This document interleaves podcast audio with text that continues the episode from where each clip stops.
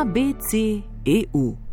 Spoštovane, spoštovani, pred nami je nekaj dni, upam, omejitev gibanja na občine. Kakšnih tolažilnih besed danes žal ne ponujamo, se pa z današnjo temo dešifriranja birokratsko-žargonskega besedišča v Uniji tako rekoč lotevamo hoje po robu, ker danes. Zakuska. Dobro, Špela in Luka očitno nista tako uporniško razposajena, glede na to, da je danes dan radija, pa je tema kar primerna.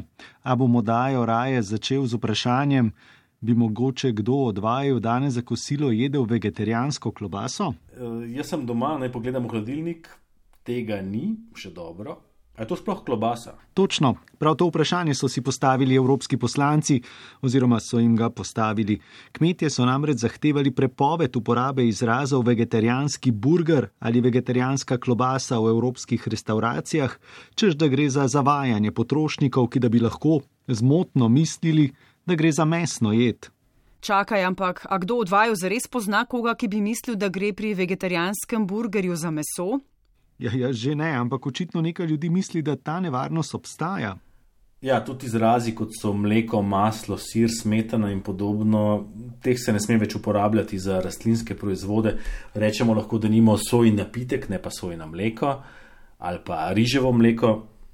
No, sej nekako je logično, kdo pa mauze riž, kdo mauze sojo. Če se sprašujemo o teh prehranskih oksimoronih, kaj zdaj z mesnim sirom. Ampak pustimo to. A, a se mogoče samo meni zdi, da to ni tako zelo pomembno vprašanje, da bi zaposlovalo Evropski parlament v času pandemije, gospodarske krize, podnebnih sprememb? Ne, tudi meni se zdi. Je pa ta točka prišla na dnevni red ob razpravi o reformi kmetijske politike, ki pa je pomembna tema, tako zaradi obsega sredstev namenjenih za njo, kot zaradi njenega vpliva na podnebne spremembe in pa tudi obratno, se pravi posledic, ki jih imajo podnebne spremembe na pridelavo hrane. Prihodnja kmetijska politika bo rezultat pogajanj med Evropskim parlamentom in kmetijskimi ministri. Obe omenjeni instituciji pa sta prejšnji teden sprejeli svoje stališča. In končni dogovor naj bi med drugim vključeval ekosheme za okolju prijazne projekte v kmetijstvu. Kmetje, ki bodo presegli osnovne podnebne in okoljske zahteve, bodo upravičeni do dodatne finančne pomoči.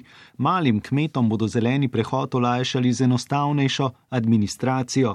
Okoljevarstveniki sicer že izražajo kritike med drugim zato, ker so evropski poslanci zavrnili dopolnilo, s katerim bi zmanjšali subvencije za množično rejo živali in izdatno ukrepili financiranje okolja okoljskih ukrepov.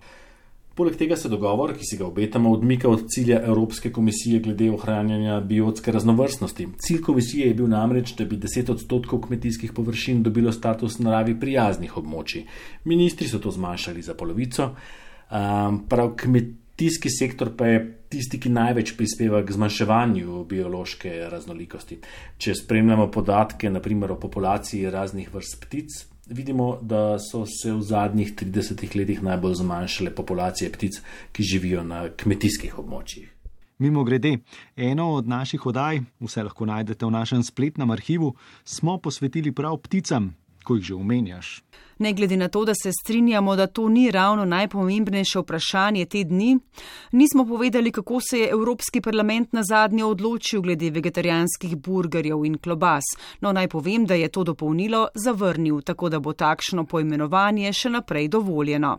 Ja, mi jih bomo poskusili kdaj drugič, ko bodo prave zakuske spet dovoljene.